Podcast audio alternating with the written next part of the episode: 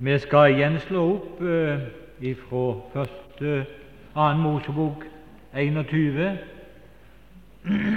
som vi leste ifra om kveldene her.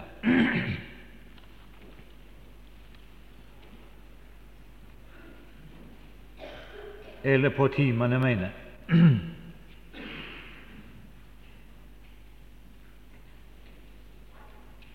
Det kan hende vi like så godt skal lese de seks versene ennå i gang, for de er svært så innholdsrike. Dette er de lover som du skal legge frem for dem. Når du kjøper en hebraisk trell, skal han tjene i seks år, men i det syvende skal han gis fri uten vederlag. Dersom han kommer enslig, da skal han gå enslig bort. Dersom han er gift mann, da skal hans hustru gå bort med ham. Dersom Hans Herre gir ham en hustru, og hun føder ham sønner og døtre, eller døtre, da skal hustruen og barna høre hennes Herre til, og han skal gå enslig bort.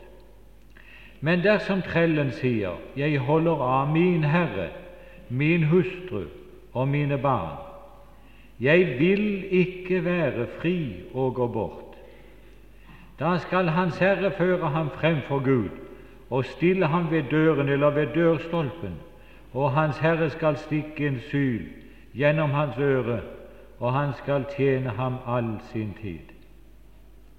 Herre Jesus, du som alene kan blåse liv i ordet, slik at det virker det du vil. Vi ber om at det må skje. Herre, vi kan høre med vår forstand, vi kan høre med våre ører, forstå med vår forstand, men å bringe det inn i vår erkjennelse, det kan bare Den hellige ånd.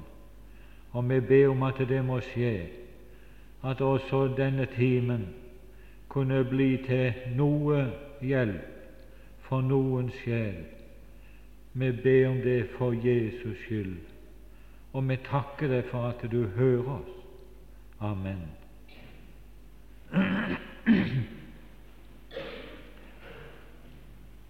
Ja, sant å si, så spurte uh, Aurebekk om han ikke kunne tenke å ha enda en time. For uh, å sitte og høre her, det er jo så både vidunderlig og forunderlig.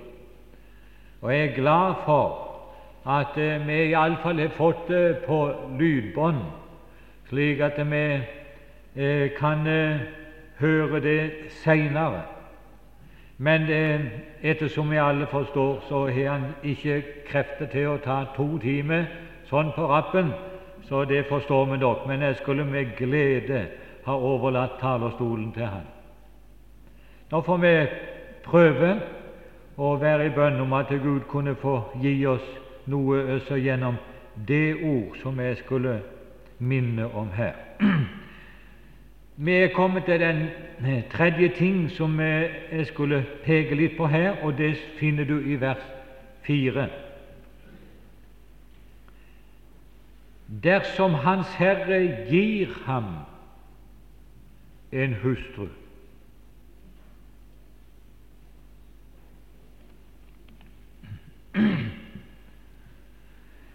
Det er et svært enkelt budskap som jeg for min del skal komme med nå i denne timen.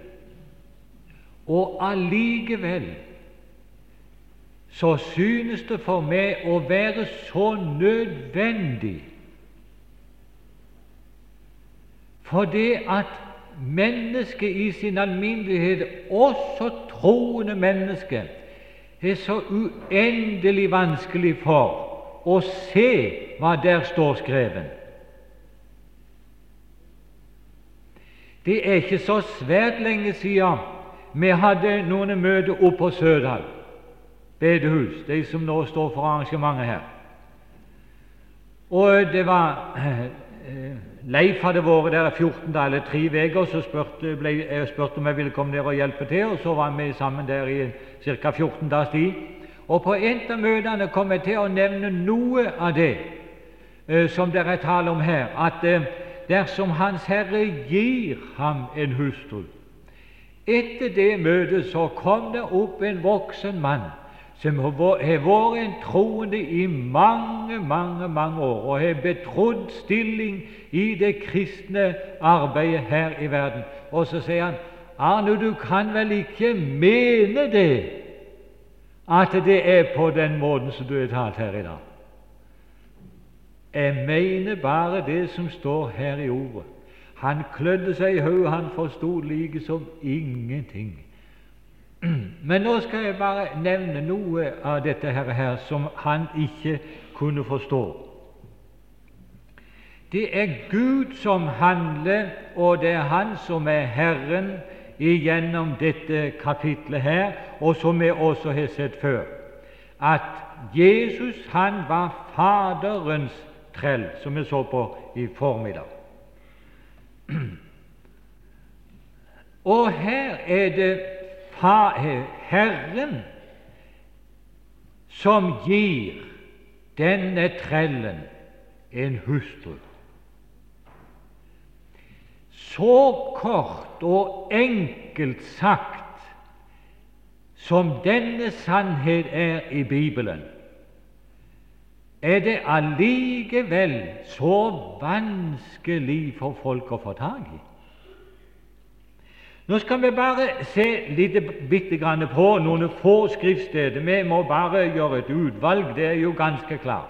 Når det gjelder skriftstedet, sånn er det med alle timene, og vi kan ikke bare proppe det med skriftsteder. Men vi skal bare nevne noen ganske enkle skriftsteder som taler om hva Gud vil med menneskeslekten. Og det finner du i 1. Timotius 2, 1-6. Der er det ene ordet som vi skal peke på. Og da ser vi hva Gud vil med denne menneskeslekten.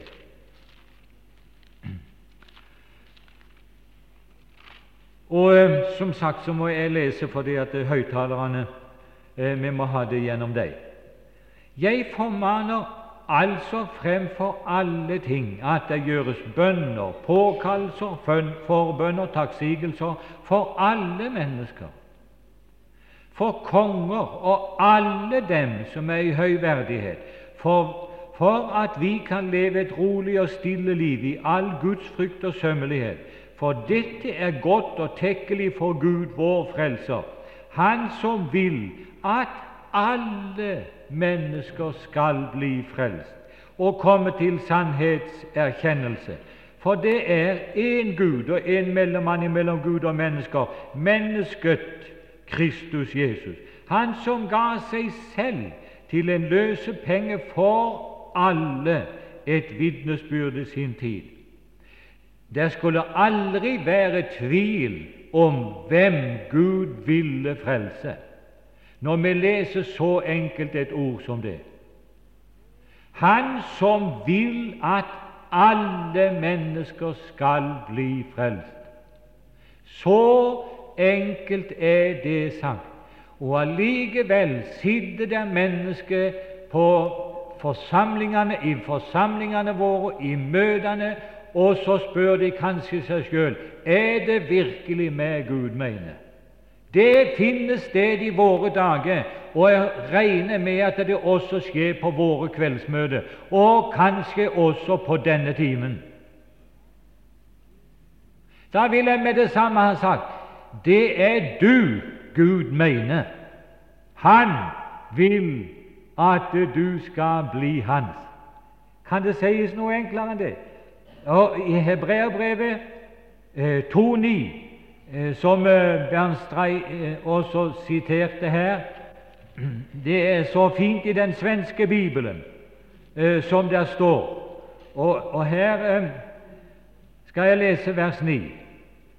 Men den som var gjort lidet ringere enn englene, Jesus, ham ser vi fordi han led døden, kronet med herlighet og ære, for at han ved Guds nåde skulle smake døden for alle. For alle. Det er klart at det var ikke på skrømt at Gud lot Jesus smake døden for alle. Det var fordi han ville frelse alle, og derfor måtte han gjøre frelsens vei åpen for alle. Og det gjorde han gjennom Jesu død, når han døde og smakte døden for alle. Vil du høre det, min venn, som enda ikke er frelst? Jesus han har allerede smakt døden for deg. Det er sant. Men det er så fint som det står i den svenske bibelen i slutten av det kapitlet før at det vi Guds nåd skulle komme alle til gode at han smakade døden. Og der er det sagt enda mer inderlig det var derfor, for at de skulle komme alle til gode, at han smakade døden. Hør, min venn, det var Guds hensikt at det skulle komme deg til gode, det at han måtte smake døden. Og så har vi jo det kjente, den lille Bibel, Johannes 3, 16, for å se, og mer skal vi ikke lese det, hva Gud vil med hele menneskeslekten. For så har Gud elsket verden, at Han ga sin Sønn den enbårne, for at verden som tror på ham, ikke skal fortapes, men ha evig liv. Når Gud skulle gi sin sønn en hustru, så må det være klart for oss alle sammen at de to må være like. Sønnen og den hustru som han skulle få.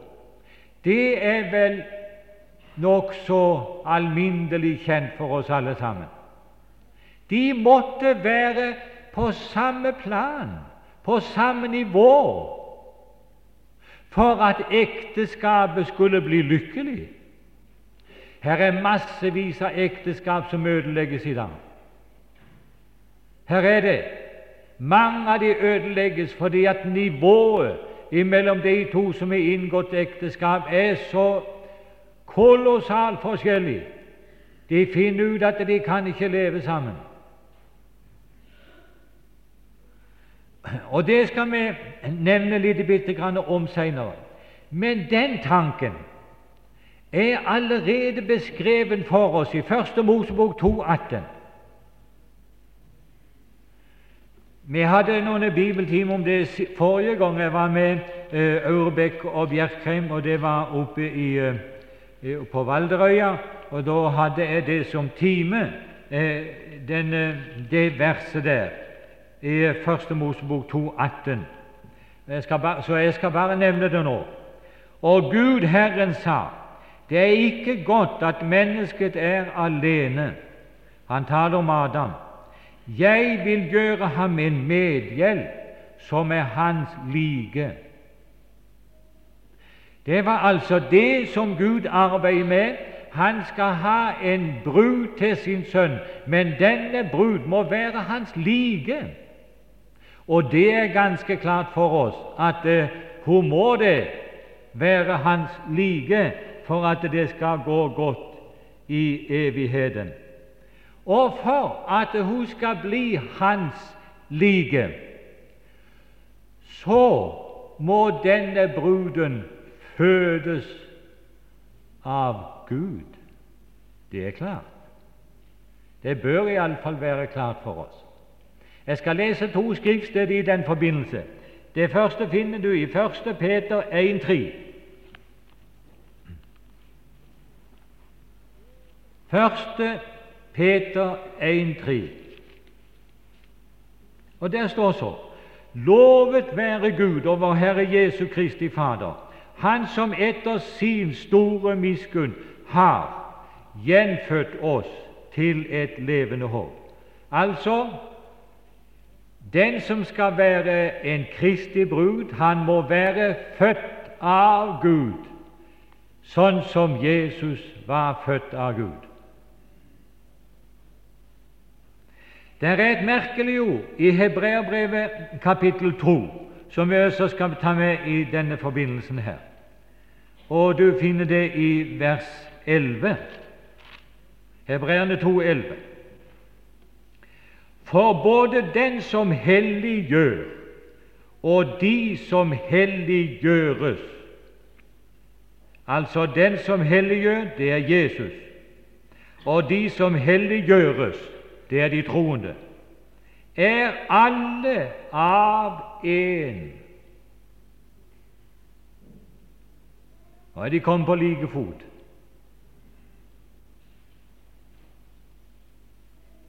Derfor skammer han seg ikke ved å kalle dem brødre. Jeg har I flere år så har jeg trodd og tenkt at den er alle av én, at den ene der, det måtte være Gud. Det har jeg tenkt på gjennom mange år, når det sto det at for både den som helliggjør, og de som helliggjøres, er alle av én, av Gud. Så var det en dag jeg satt og samtalte med en mann. Han har forresten vært predikant og forstander i mange år. Så siterte han en amerikansk forkynner, husker ikke, og det var en kjent mann òg, mulig at Aurebekk eller Bjerkrem har greie på det. Men så sa han det at både den som helliggjør, og de som helliggjøres, er alle av én Adam. Det hadde jeg i grunnen ikke tenkt på, at de var begge av Adam. Men enten du sier de er av Gud, eller de er av Adam, så blir det jo akkurat akkurat det samme, for de er født både av Adam og av Gud, begge to. Jesus var født som et sant menneske, født av et menneske. Hun var jomfru. Han var et guddommelig menneske fordi at det var Gud som var i Eva, nei, i eh, Maria og bevirka at denne ble født. Født av Gud og født av Adam. Og her er altså de troende akkurat på samme plan, på samme nivå som han. Født av Gud, født av Adam eller født som menneske, om du vil. Vel, det var den tingen. Så en tredje ting, og det er menneskets forhold til frelsen, menneskets forhold i sin alminnelighet til Guds frelse. Og her er det at det er så vanskelig å forstå og vanskelig å få med. Vi skal bare finne fram noen få skriftsteder. Matteus 19, 24-26. Og så, som jeg sa her eh, den første kvelden det, det vi egentlig skal lære her, det er å lese innaboks. Det er jo det som vi holder på med. Vi driver ikke med filosofi, verken Aurebekk eller Bjerkrem eller men vi driver bare med én ting, og det er å lese av Guds ord, akkurat sånn som det står. Og Der kan vi lese fra Matteus 19, 24 til 26. Nå skal jeg lese det. Atter sier jeg eder, det er lettere for en kamel å gå gjennom et nåløye enn for en rik å gå inn i Guds rike. Da disiplene hørte det, ble de meget forferdet og sa:" Hvem kan da bli frelst? Men Jesus så på dem og sa til dem:" For mennesker er dette umulig. Men for Gud er alt mulig. Ja. Skulle du nesten tenke at det sto i Bibelen, det ordet der? Når du tenker på menneskene i sin alminnelighet og deres forhold til frelsen og det å gå inn i frelsen. Jesus han sier det rett ut her. Og det for et menneske å gå inn i Guds rike, det er umulig. Punktum.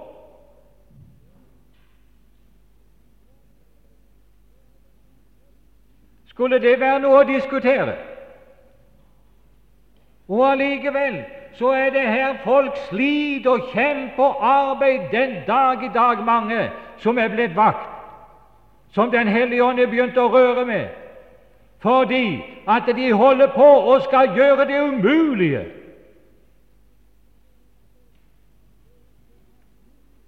Jeg visste ikke bedre, heller, for min del, enn at det, det, var mulig for meg å gå inn i Guds rike. Nå bare det at jeg ble vakt. Ja. Og jeg skal si det at jeg fikk lære ei smertefull lekse. Det tok mange måneder for Gud å lære meg sannheten av dette ordet. Det kan jeg godt si. Det tok mange måneder. I den første dagen, eller de første dagene etter at jeg hadde bøyd mine kne, eh, så levet jeg som i annen sfære. Jeg levet en tid uten lov, som Paulus sa. Det gjorde jeg òg, det. Jeg var ikke noe, verken lov eller bud eller noe ting. Jeg svevet omtrent som jeg var halvveis i himmelen. Men så skal jeg si, så kom budet. Og så gjorde budet synden levende, og så begynte jeg å kjempe å kjempe med for å kunne greie å seire ved synd. Jeg skulle jo til himmelen. Og jeg trodde det at jeg skulle greie å komme til himmelen, og hadde jeg jo bøyd meg. Og så begynte der en kamp. Ja, jeg har fortalt det før, men la meg bare nevne det ganske kort. Det første jeg begynte med om morgenen, det var å be om Kjære Gud, nå må du gi meg kraft til å seire. Og du kan tro jeg var inderlig. Og så gikk jeg ut i kampen etterpå at jeg hadde lagt dette i Guds hender, så bedt han at han ville gi meg kraft til å seire. Jo, jo. Å, kjære all verden. Nei, Det var ikke langt jeg kom på veien, før jeg, jeg, tankene mine de løp løpsk, og det var så forskrekkelig. Det var ikke til å holde styr på. Og jeg skulle jo til himmelen. Jeg måtte jo få tankene mine frelst. Og så var det å kjempe med tankene, for jeg skulle til himmelen. Men det kan du tenke åssen det gikk. Jeg pleide aldri å banne som et uomvendt menneske. Jeg pleide aldri å snakke rått og stygt. Det er ganske sant, selv om jeg levet rett ut i verden. Jeg hadde levd i en troende, blitt født inn i en troende heim og hørt evangeliet hele livet. Så jeg kunne ikke det. Men tenk du, en, dag så var det noe som gikk galt for meg av en eller annen slag, og så banna jeg. Som et troende menneske. Og du kan tro jeg kom i mørket. Jeg som skulle til himmelen. Hva var det jeg holdt på med? Jeg holdt på med å skulle stige inn i Guds rike. Jeg holdt på med dette at jeg skulle gå inn i Guds rike. Og så kjempa jeg mest livet av meg. Ja, egentlig så gjorde jeg jo det. Jeg kjempa livet av meg. Det gikk mange, mange måneder i denne kampen før en natt Da hadde jeg tatt skiene på meg. Da sa jeg til meg sjøl nå kan de sende deg på Eigasul, Arne, for nå er du ferdig. Og midt på natta, inn på Måsøyheia det var lysere ute, for det var litt måneskinn så jeg kunne se og gå, enn det var i min svarte sjel. Og jeg sa til meg sjøl dette er overevne.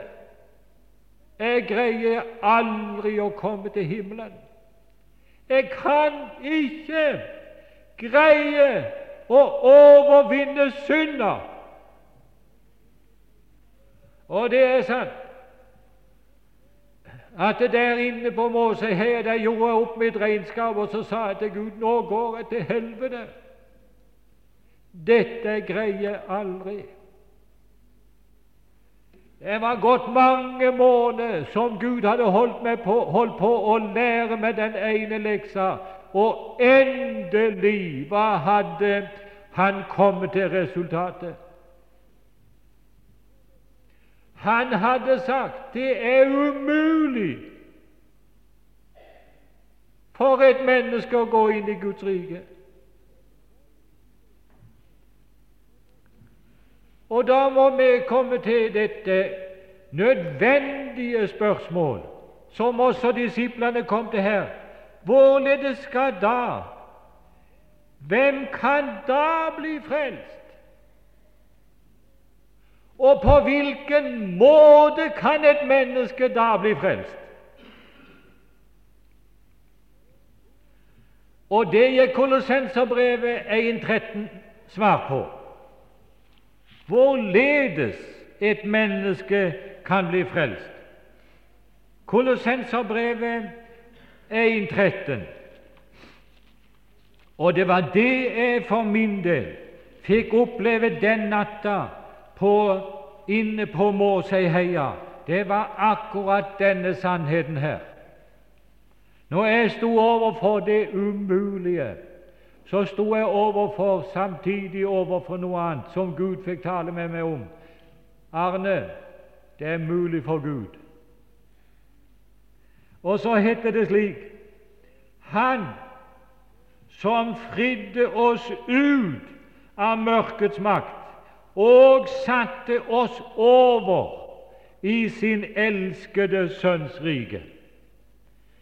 Da kom jeg til å si der oppe på Sødal, og det var vel det som denne mannen her hadde hooka seg så tak i.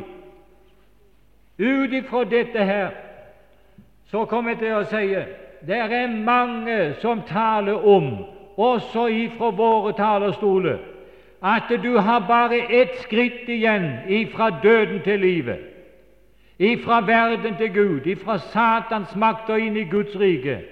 Ta det skrittet i kveld. Så sa jeg det den kvelden. Det er bare det at det skrittet har enda intet menneske tatt.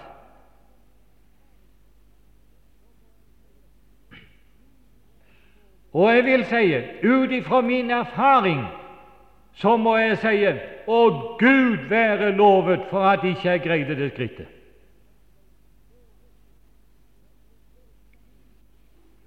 Jeg kom inn i himmelen. Jeg ble båret inn. Jeg ble løfta inn. Og hvem var? Av Gud i himmelen. Hør, min kjære venn som er inne her, som er et frelst menneske. Det er ingen annen måte å komme inn i Guds rike på. Det er mulig for Gud, for det må skje et guddommelig under. Du må fødes på ny. Og det skulle være klart i seg sjøl, bare det uttrykket. Her står mennesket fast, fullstendig. Her er det bare Gud som kan og må gripe inn. Men Og videre skal vi se, når det står det at han er gitt av Faderen så må jeg i den forbindelse, eh, som svar på dette, hvorledes skal det skje, så må vi lese et ord fra apostelgjerningene 2,40. I tilfelle det at det her var et menneske inne her som enda ikke hadde opplevd denne underbare frelse, så må jeg få lese for deg det ordet. Og det er somme tid at jeg har det håp at et og annet ufrelst menneske skulle finne veien inn på våre timer og våre møter. Og om mulig Og det kom, for, kom så for meg når Aurebekk talte her i dag, når han talte om at de gikk inn i synagogen og forkynte Ordet, slik at de kom til troen. Behøvde aldri å komme med en appell en gang om å gi seg over til Gud. Han forkynte Ordet så de satt på benken og hørte seg frelst. Og hør nå, min venn, her stender bare måten et menneske skal forholde seg på for å bli frelst. Du behøver ikke å spørre etter hvordan det er innenfor Vesten, om hjertet slår fortere eller hva det nå gjør. Du behøver aldri å spørre etter det, for her er selve svaret på hvordan du skal forholde deg. Han sier det slik, og med flere andre ord vitnet han og formante dem i det han sa, la eder frelse. Det er rett og slett det et menneske gjør når han blir omvendt. Ja, kanskje jeg skulle ha sagt det slik For å komme så langt hen at vi lar oss frelse, så er det klart da har vi allerede kapitulert på oss sjøl og alt vårt eget. Selv om ikke vi forstår så mye av det, så har vi tillatt Gud å frelse oss. Og det er eneste veien. La eder frelse. Vel, vi må gå et skritt videre. Når det gjelder dette å få en brud, så må de som sagt stå på like fot. Født, men, født som menneske og født av Gud. Og når det gjelder dette arbeidet med å få et menneske derhen, så kan vi bare fortsette å lese Johannes 6, 44, og bl.a. blant annet bare for å få med eh, disse enkle sannhetene, eh, som allikevel er så uendelig dyrebare. 6.44, der sier Jesus det. Ingen kan komme til meg uten at Faderen, som har sendt meg, drager ham, og jeg skal oppreise ham på den ytterste dag. Faderen drager. Jeg tror jeg må bare ta tid og så nevne fra mitt eget liv. Vi vet det også av barnelærdommen at Gud han dro på oss på mange forskjellige vis. Men jeg er så glad for at jeg er født i en kristen heim. En troende mor og far. Det aller første minnet som jeg har ifra mitt liv, det er så dyrebart at eh, det er noe av den dyreste eiendom som jeg har. Men jeg kan fortelle det til deg, det er jo ikke det for deg som det ble for meg. Jeg var minste gutten hjemme. Jeg var ganske liten. Jeg husker ingenting før den dagen. Ingenting. Men det var et uutslettelig minne som jeg fikk den dagen. Mor kom inn i kjøkkenet. Om det var kvelden, at hun hadde vært på et møte, eller hva det var, det vet jeg ikke. Men mor var synlig grepet av noe bestemt, grepen av Gud. Så tok hun meg som var alene i kjøkkenet, tok meg i hånda, og så leide hun meg inn i kammerset. Og der bøyer mor kne med sida av senga. Og så måtte jeg bøye kne med sida av mor, den lille bitte tappen. Hva mor ba om, det vet jeg ikke. Men det var en mor som kjempa med Gud.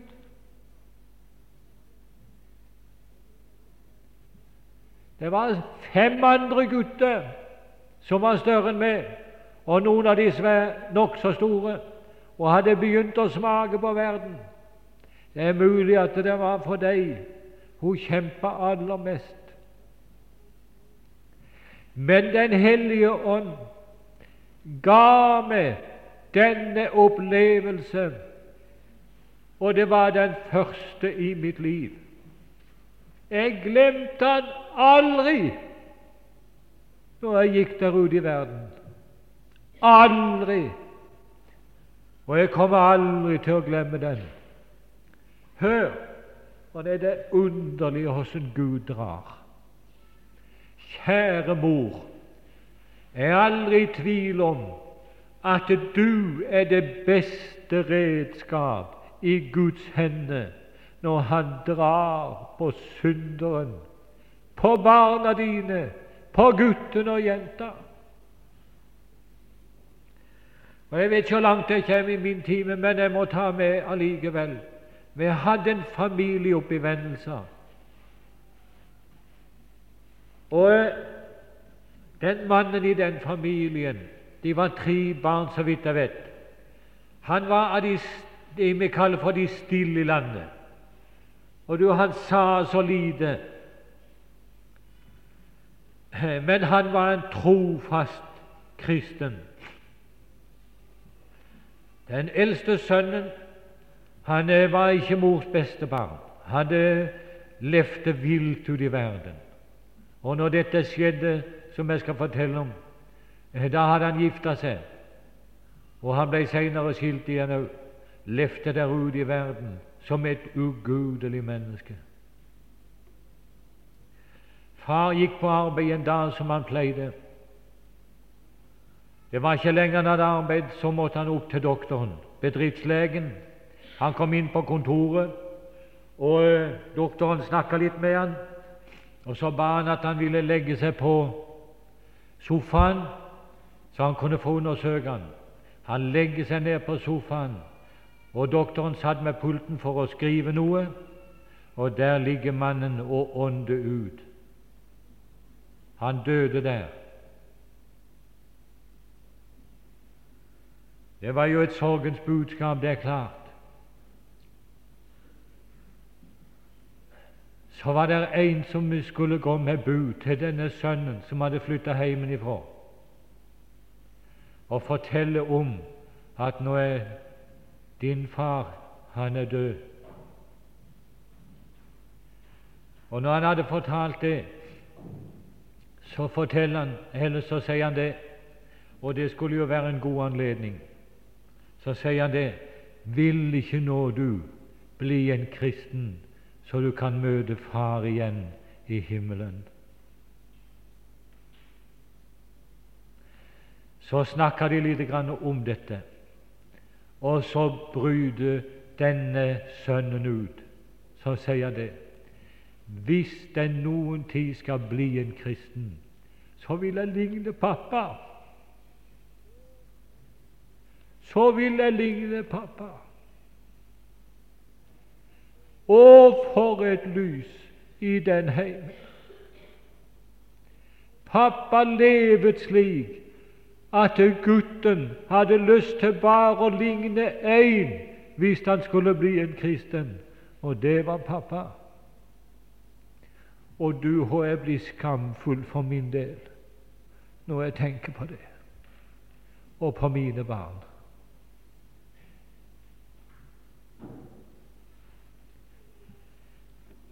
Det er Faderen som drar. For at eh, han skal få de til en Kristi brud. Og La meg nevne før jeg går til avslutningen Efeserbrevet 2.10. Det er noe vi alle sammen kjenner svært godt.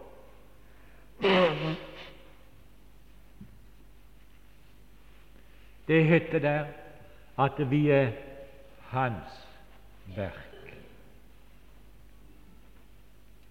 Og heldigvis, det kommer inn på det som jeg sa til å begynne med her, at for mennesket er det umulig. Det er Gud som handler hele veien. Så ifra ende til annet så er det Guds verk som den troende er ifra ende til annet. Tenk om jeg for min del hadde greid å ta skrittet inn i Guds rike, så hadde noe av den salighet vært mitt verk. Men her er det umulig. Det er bare for Gud det er mulig. Hans verk ifra ende til annet. Hvis du er her som ikke er frelst, så forteller hele vår bibel at du kan unngå å bli et frelst menneske ved å stå Gud imot. Du kan det. Det er fritt føre. Og det er selve det valget som et menneske har, og som betinger enten en evig himmel eller et evig helvete. Det er lagt i dine hender å bestemme om Gud skal få lov til å gjenføde det til et levende håp.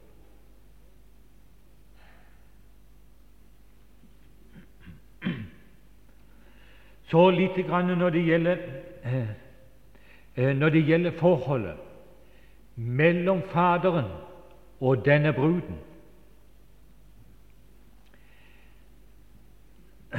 Vi vet alle sammen det at det her er mange skilsmisser, og de bare øker på. Og En av de andre årsakene for at det er så mange skilsmisser, og kanskje de fleste årsaker, er nettopp det at de kjenner ikke hverandre. De trodde de kjente hverandre mens de hadde følge, eller kanskje var forlova. Men det viser seg det at når de har levd i sammen ei tid, så oppdager de så mange ting hos hverandre at de kan ikke greie å leve sammen. At han var slik, det hadde jeg aldri tenkt. At hun var på den måten, det hadde jeg aldri trodd. Og så vokser de bare mer og mer ifra hverandre, for de kjente ikke hverandre før.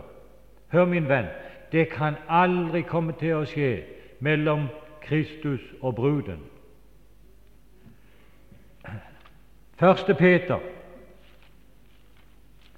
og det er et ord som jeg for min del er veldig glad i. Første Peter kapittel 1 vers 1 og 2. Og det er, Vi skal være veldig forsiktige når det gjelder å si noe om Bibelen, men vi kan si litt om versinndelingen i Bibelen. For den er gjort av mennesket, og der kan det somtid komme inn et eller annet. Og her er det så åpenlyst at det her er kommet inn noe som ikke skulle ha stått på denne måten så langt jeg kan se. For der, er, der kommer først Peter med hilsinga og adressen til de som han skriver til. Paulus, Christ, Jesu Kristi apostel, til de utlendinger som er spredt omkring i Pontus, Galatia, Kappadokia, Asia, Betynia, utvalgt. Altså det uttrykket 'utvalgt' det er klart at det skulle stå i begynnelsen av vers 2. Det er noe vi ser alle sammen. For ellers så blir det 'god damen økseskaft. Og jeg har hørt mange som har lest dette ordet her, og som øyensynlig ikke har forstått det. For så blir det 'god damen økseskaft. Først kommer han med adressen til de utlendinger som er spredt omkring i Pontus, Galatia, Kappadokia, Asia og Betynia. Og så kommer det utvalgt etter Gud Faders forutviden. Jeg vet nesten ikke et ord i Bibelen som er gjort meg så godt som det. I den tida, eller etterpå den tida, når Gud hadde fått løse meg der inne på Måseheia og satt meg på den virkelige grunnen, eller gitt meg erkjennelse av at jeg sto på den grunnen, for det var det han gjorde. Fra det øyeblikk av så fortsatte allikevel kampen, men det var på en helt annen måte. Nå var det ikke kampen for å bli frelst, nå var det kampen fordi at jeg var frelst. Men der ble jeg så ofte skuffa over meg sjøl, og det hendte mer enn én en gang at jeg lå nesegrus innenfor Guds ansikt og regnte med Å, Arne, så Gud er skuffa over deg. At du kan stelle deg slik som er en kristen. At du kan gjøre slik, at du kan tenke sånn. Du som er en kristen og er på vei til himmelen, Og jeg regnet med at Gud han rynka panna og var så skuffa over meg. Og det var ikke så sjelden jeg i den tida sang Mon jeg nå det glade land, som snubler gang på gang. Mon jeg når fram. Inntil jeg fikk se det ordet her. Og du for ei byr som falt ifra mine skuldre. Og jeg håper det at det der er noen unge her som har bruk for dette ordet. Min kjære venn, ut ifra dette ordet her, og mange, mange andre med det, så er det jo klart for oss at Gud kjente oss før Han kalte oss. Og han ikke bare kjente oss som vi var i verden før han kalte oss, men hør Han kjente hele den veien jeg skulle vandre. Hør nå, min venn. Han visste om alle mine feil i tanke, ord og handlinger. Han visste om alle mine nederlag, og de har vært mange. Han visste om de alle sammen. Og så kalte han meg allikevel.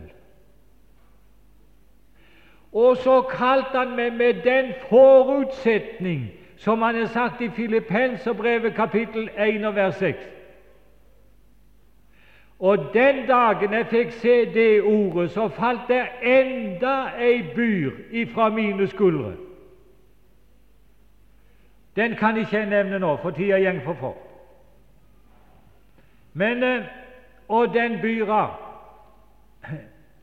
Du kan tro det var lett etterpå. Og den byra den falt just der i Filippenserbrevet 1,6. Jeg er fullvis på, sa Paulus, at han som begynte en god gjerning i eder, vil fullføre den inntil Jesu Kristi dag. Hør, min venn, han kjente hele veien. Han kjente alle mine synder og fall og nederlag. Og så kalte han meg allikevel, og han kalte meg med den forutsetning av jeg skal frelse Arne hele veien inntil han står i himmelen. Nå er tida mi gått, så jeg kommer ikke lenger. De sa til meg i stad at du må ikke preke mer enn tre kvarter, for da eh, får vi det ikke inn på kassetten. Og eh, jeg hadde det beste igjen eh, for å se om jeg kan få tid til den annen dag. Kjære Herre Jesus. Og nå er det vår bønn, Herre, at disse enkle sannheter måtte nå, om ikke mer enn én i denne salen, at det er Gud som har handla med meg hele veien. Han er den som virker i deg både det å ville og å utrette til sitt velbehag. Takk for det var du, Herre, som dro en dag så jeg kom inn. Herre, jeg takker deg for det. Takk for det var du som gjenfødte meg til et levende håp. Takk for du som fridde meg ut av syndens grusomme makt, som ikke jeg greide sjøl.